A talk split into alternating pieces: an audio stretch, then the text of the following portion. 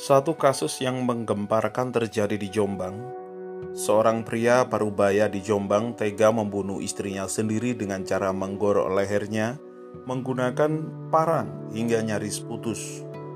Kejadian tersebut terjadi pada hari Jumat 31 Juli 2020. Tak hanya sang istri yang menjadi korban, bahkan anak laki-lakinya juga turut menjadi korban kesadisan bapaknya sendiri – Beruntung nyawa sang anak masih dapat terselamatkan, namun kondisinya kritis dan harus mendapatkan perawatan intensif di Rumah Sakit Kristen Mojowarno.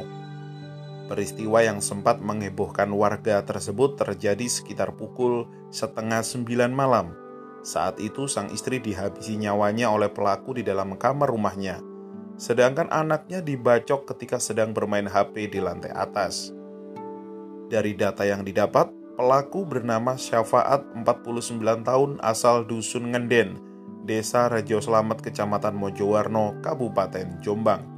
Sedangkan korban pembunuhan bernama Sri Istuningati 48 tahun, yang tak lain adalah istrinya sendiri. Dan anak nomor dua yang bernama Noval Fitri Khairul Huda, 19 tahun. AKBP Agung Setion Nugroho Kapolres Jombang mengatakan pelaku pembunuhan saat ini sudah diamankan di Mapolsek Mojowarno. Penyidik masih mendalami motif dari pembunuhan tersebut. Dan untuk sementara, dari pengakuan tersangka, dirinya, te dirinya tega menghabisi nyawa istrinya lantaran cemburu. Saat ini, masih dilanjutkan penyidikan untuk mengetahui motif lebih lanjut. Dari hasil olah TKP, polisi menemukan sebilah pisau yang terdapat bercak darah, dan pisau ini diduga digunakan oleh pelaku untuk menghabisi nyawa istrinya dan melukai anak kandungnya.